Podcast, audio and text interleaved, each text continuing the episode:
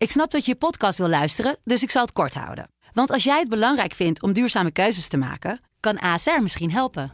Nou hoor ik je denken, hoe dan? Nou, bijvoorbeeld bij het duurzaam herstellen van schade. Of de premies die we beleggen volgens ons duurzaam beleggingsbeleid. Dat bepaalt waar we wel en juist niet in investeren. Wil je meer weten over welke duurzame keuzes ASR maakt? Ga dan naar asr.nl/slash duurzame keuzes. ASR doet het. Zo, dan kan je nu lekker naar je podcast luisteren. Ken je Eva? Eva is een vrouw die in het verleden niet de beste keuzes maakte als het op de mannen aankwam. Na de laatste teleurstellende relatie en het moeten opgeven van haar kinderwens besluit ze dat het helemaal anders moet. Een vaste relatie, daar is ze klaar mee. En dus is Eva aan het daten geslagen. Dit is het Dagboek van Eva. Een podcast van Vrouw. Woensdag. Gek dat ik toch een beetje een kater heb. Een zwaar gevoel. Helemaal omdat ik vanmorgen ook weer ben begonnen met werken. Het echte leven is weer in volle gang. Ik ben nog steeds moe van de lange reis en ik ben nog niet vooruit te branden. Ik zit wat voor me uit te staren als er ineens een perfecte latte macchiato voor mijn neus wordt gezet. Hier meid, even wakker worden. Of zal ik een dubbele espresso voor je halen? Ivo woelt even met zijn handen door mijn haar en geeft me een kus op mijn wang. Ik heb hem niet eens aangekeken. Al die tijd staat hij achter me. Maar wat voelt het toch weer heerlijk vertrouwd om hem om me heen te hebben. Dan ploft hij op mijn bureau. Bovenop de aantekeningen die ik net nog heb zitten maken. Quasi geïrriteerd trek ik het onder zijn kont vandaan. Heb je zin in een juicy verhaal? Ik ben meteen klaar wakker. Het is vrijwel uitgestorven op de afdeling en de paar collega's die er zijn storen zich absoluut niet aan onze non-actieve werkhouding. Als je het mij vraagt, zitten ze zelf ook de halve dag maar te Facebooken of te hard te jagen. Ik was dus in je appartement om je plant water te geven. Ik veer op en ga op het puntje van mijn stoel zitten. Het juicy verhaal heeft zich dus afgespeeld in of in de buurt van mijn huis. We trekken tegelijk een enorm ondeugend gezicht. En Ivo klapt even hysterisch opgewonden in zijn handen om de spanning te verhogen. Vertel nou, roep ik ongeduldig. Weet jij wie er recht onder jou woont? Heb je die man ooit gezien? Hij heeft een hondje, een Jack Russell volgens mij. Ik weet meteen wie hij bedoelt. Een te knappe man, maar inderdaad zonder enige twijfel gay. Niet, roep ik net iets te hard. Niet! Twee collega's kijken geïnteresseerd en geamuseerd onze kant op. Uh -huh, knikt Ivo en verder zegt hij niks. Is dit alles? Is dit het juicy verhaal? Ik trek een teleurgezeld gezicht. Nee, vriendin, dit is de inleiding. Ik ga je vanavond vertellen wat er precies gebeurd is. Ik heb namelijk een date met hem, maar eerst kom ik bij jou eten. Dan springt hij van mijn bureau en kruipt hij weer achter zijn eigen computer. Oh, dit heb ik toch wel gemist hoor. En ik heb Helen ook gemist. Ik stuur haar meteen een appje of ze morgen tijd heeft om met mij ergens te gaan lunchen. Als ik aan het tikken ben, krijg ik een appje van Frank binnen. Hij ratelt volop over een fietstocht die hij heeft gemaakt en de nieuwe mensen die hij heeft ontmoet. Ik vind het lief dat hij me op de hoogte houdt. Ik ben blij dat ik even onderdeel van dat leven heb mogen uitmaken. Donderdag. Wat een gek idee dat Ivo mogelijk een verdieping onder mij ligt, denk ik als ik ergens rond zes uur klaar wakker wat op mijn telefoon ligt te staren. Ik twijfel of ik hem een berichtje zal sturen. Wat als hij er wakker van wordt? Ik zie dat hij om tien over twee nog voor het laatst online is geweest. Die heeft het dus heel laat gemaakt. Ik zet mijn telefoon uit en probeer de slaap nog even te vatten. Donderdag. Ben je verliefd? Ivo schudt zijn hoofd. Nee, schat, je kent me toch. Dat doe ik niet aan. Ja, ik denk natuurlijk wel dat ik verliefd ben, maar mijn verstand zegt ook wel dat het nieuwsgierigheid is en dat het over een paar weken weer over is. We hebben het leuk samen en over de seks hoor je mij niet klagen, integendeel. Ik vind het trouwens wel een ongemakkelijk idee dat jij in het appartement boven ons ligt. Je bent al een paar keer door mijn gedachten geschoten, terwijl wij bezig waren. Zou ze het horen, denk ik dan? Seks. Het is voor mij alweer even geleden. Wat mij betreft mag er wel weer iets spannends gebeuren. Maar daar zal ik toch echt zelf het initiatief voor moeten nemen. De leuke mannen komen natuurlijk niet zomaar spontaan aan je deur kloppen. Ik heb al een tijdje niet meer op Tinder gezeten en besluit dat ik daar maar weer eens een kijkje moet nemen. De eerste 30 mannen die ik voorbij zie komen, veeg ik allemaal met een vies gezicht van mijn scherm. Het is drie keer niks. Zijn de leuke mannen op of zo? Maar dan zie ik een vent die mijn interesse wel wekt. Ik besluit niet direct een beslissing te nemen, maar het even te laten bezinken. Ik zet met mijn telefoon in mijn hand een kop koffie en blijf al die tijd naar het scherm staren. Wat is het toch dat ik zo interessant vind aan deze man? Hij is niet extreem knap, hij ziet er zelfs een beetje goofy uit. Het zou zomaar eens zo'n uberslimme ICT-man kunnen zijn. Een nerd dus. Ver weg van gespierde sportschoolman dus. Toch ga ik ervoor. En daar houd ik het voor nu even bij. Als ik vanavond geen reactie heb, dan kijk ik wel weer verder. Voor nu blijft het overzichtelijk. Vrijdag. Ik ben al de hele dag aan het appen met Nicolaas, de nerd van Tinder. Hij is extreem gevat en ik heb al een paar keer hardop om hem moeten lachen. Gisteravond laat kreeg ik het bericht dat we een match waren. En vanaf dat moment kwamen we met elkaar in contact. Heel gek hoe je soms met mensen al vanaf de eerste seconde een leuke klik kunt hebben. We weten nog nauwelijks iets over elkaar, maar de gesprekken lopen weliswaar via WhatsApp geweldig gesmeerd. Er hangt een spanning. Nicolaas heeft al een paar keer wat seksueel getinte toespelingen gemaakt en ik probeer hem ook een beetje uit zijn tent te lokken. Hij hapt prima. Het zou zo makkelijk zijn om hem vanavond uit te nodigen of ergens met hem af te spreken, maar ik heb me voorgenomen om de spanning wat verder op te laten lopen. Ik heb wel zin in een explosie. Hij is inderdaad, zoals ik al een beetje aan zijn foto zag, een knappe kop. Figuurlijk dan. Hij heeft een hele hoge functie in het bedrijfsleven. Hij heeft nog wat meer foto's van zichzelf toegestuurd en daarop wordt wel bevestigd dat hij qua looks mijn type niet is. Maar dat hoeft ook niet altijd.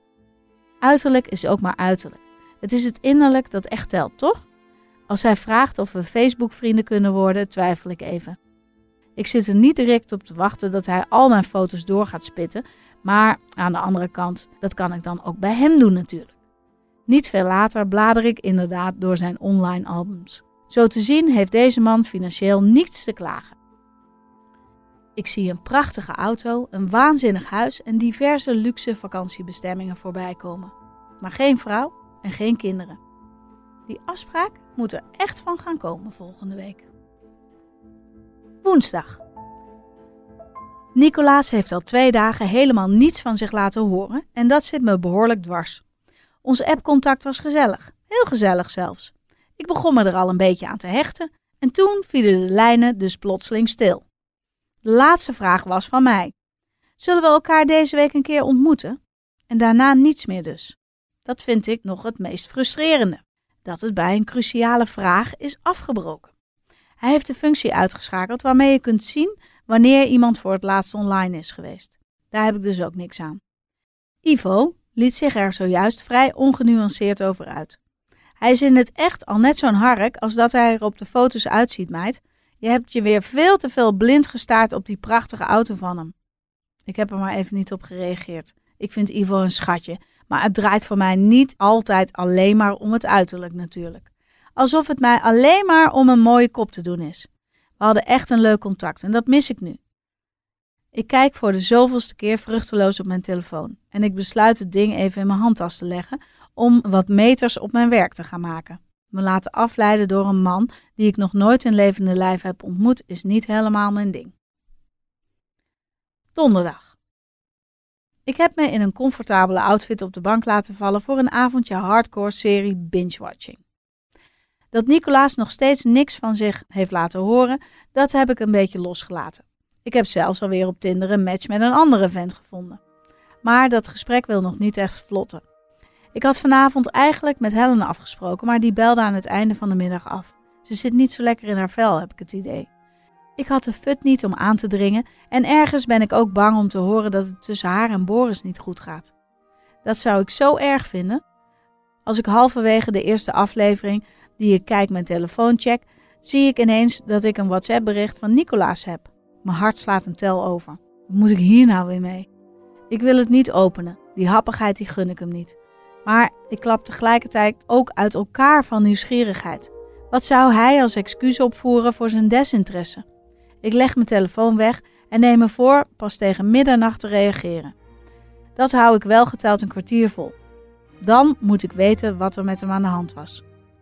hey, leuke vrouw. Ik heb uren gebroed op het berichtje dat ik je bij deze stuur.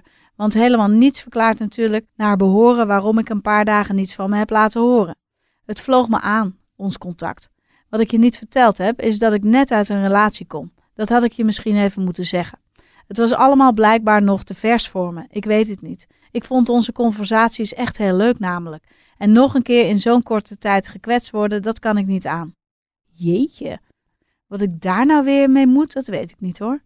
Heel lief en eerlijk natuurlijk, maar dit neigt toch ook wel weer een beetje naar een serieus verhaal. En dat hoeft wat mij betreft ook weer niet. Sterker nog, ik moet er niet aan denken.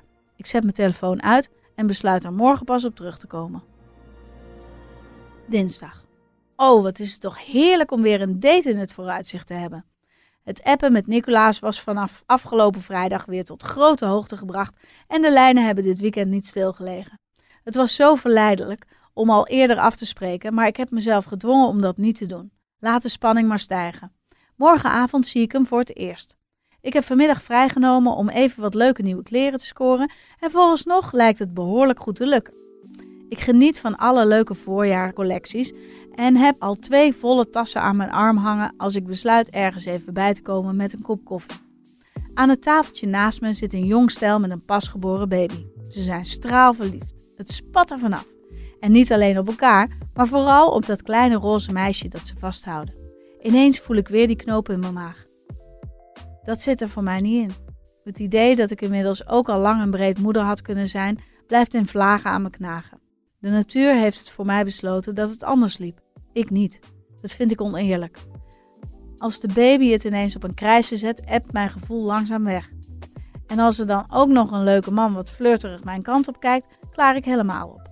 Ik besluit er alleen niet heel veel dieper op in te gaan dan met een kort verleidelijke glimlach. Met Nicolaas op de planning morgen wil ik het niet te rommelig maken. Ik sta op, reken af en loop snel nog even de stad in om een paar mooie hakken te scoren. Ik voel hoe de ogen van de man van zojuist in mijn rug prikken. Woensdag. Ik zie hem meteen zitten. Hij oogt kleiner dan ik me had voorgesteld. Shit, net nu ik dus die metershoge hakken van gisteren heb aangetrokken. Ik hoop maar dat hij rechtop net iets groter is dan dat ik ben. Ik voel me altijd zo oncharmant en iets wat lomp bij kleinere mannen. Nog voordat we ook maar een woord met elkaar gewisseld hebben, heb ik al tientallen van dit soort gedachten de revue laten passeren. Zo snel werkt het brein dus. De afstand die ik moet overbruggen tot aan het tafeltje waar hij zit, is helemaal zover niet namelijk. Ik haal opgelucht adem als hij opstaat. Het valt mee. Hij is iets groter. Hij opent beide armen om mij een knuffel te geven en zegt mij na. Ik schrik als ik zijn accent hoor. De tractor ontbreekt, maar verder is het boerenleven aardig vertegenwoordigd. Dit was wel het laatste dat ik had verwacht. Onvervalst achterhoeks. Ik schiet ervan in de lach. Hé, hey, jij komt hier helemaal niet vandaan? Nicolaas trekt een gespeeld verstoord gezicht. Ja, dat zit er nou eenmaal ingeramd, geboren en getogen in de achterhoek. Hadden we misschien toch maar eerst even met elkaar moeten bellen. Dan had je het kunnen horen en had je je date alsnog kunnen cancelen, zegt hij al even ad rem als dat hij op de WhatsApp was. Ik zeg snel dat het mij uiteraard helemaal niks uitmaakt. Maar ondertussen heb ik me wel al een voorstelling gemaakt van zijn stem met dat accent in mijn oor als we ooit seks gaan hebben. Ivo bescheurt zich als hij dit hoort. Ai, wat een valse start. Ik moet mezelf even tot de orde roepen. Niet veel later zijn we in een gesprek verwikkeld dat als vanzelf lijkt te gaan. Onze humor matcht perfect. Ik hoor zijn accent nauwelijks nog en begin steeds meer spanning te voelen. Na een half uur weet ik het zeker, accent of niet, deze man moet en zal met mij mee naar huis. Maandag. Ik word wakker door een appje van Nicolaas en dat is maar goed ook, want ik was blijkbaar vergeten mijn wekker te zetten. Snel spring ik uit bed en draai ik de kraan van de douche open. Als ik daar even later onder sta, bedenk ik me wat ik hem terug zal sturen. Ik kom er niet uit. Het was een prima etentje, we hadden het echt gezellig samen en ik heb ontzettend met hem gelachen. Maar in bed leken we wel een totaal andere taal te spreken. Hij bakte er, om het bot te zeggen, helemaal niks van. Zijn beetje nerdy en goofy look werd in bed door zijn gedrag bekrachtigd. Hij had het vast al wel eens vaker gedaan. Maar als iemand mij had gezegd dat ik zijn allereerste was, dan had ik het ook geloofd. En dan dat accent. Het is zo oppervlakkig van me, maar ik kon er toch echt niet doorheen kijken. Het was ook de ultieme foute combinatie van dat gestuntel en dat geluid. En dan bleef het ook nog slapen. Of beter, hij viel na afloop gewoon snoeihard in slaap. Daar zat ik absoluut niet op te wachten, maar ik vond het veel te ongemanierd om hem midden in de nacht ook nog de straat op te sturen. Dat heb ik uiteindelijk de volgende ochtend wel gedaan. Heel triest, met de smoes. Ik heb gezegd dat ik een heel vroege zakelijke afspraak had. Om het te bewijzen dofte ik me helemaal netjes op en vertrok rond 8 uur. We gaven elkaar bij de voordeur een luchtige kus en hij beloofde me snel te bellen. Ivo heeft het uitgegierd toen ik om tien over acht aanbelde, terwijl we normaal pas om half tien op de zaak hoeven te zijn. Meid, we moeten een keer een boek over onze dates gaan schrijven, gilde hij niet veel later van onder de douche. Ik maakte in zijn keuken een ontbijtje en bedacht dat dit inderdaad niet zo'n heel gek idee was. We maken wat mee samen. Dat kan de gemiddelde mens in een vaste relatie niet zeggen. Als ik de kraan dichtdraai, weet ik wat ik terug ga tikken. En zo ingewikkeld is het helemaal niet. Ik ga gewoon de waarheid mailen. Dat ik onze date heel leuk vond, maar dat we in bed geen klik hadden. Dat kan toch? Wil je de volgende aflevering van het dagboek van Eva niet missen? Abonneer je dan in je favoriete podcast-app.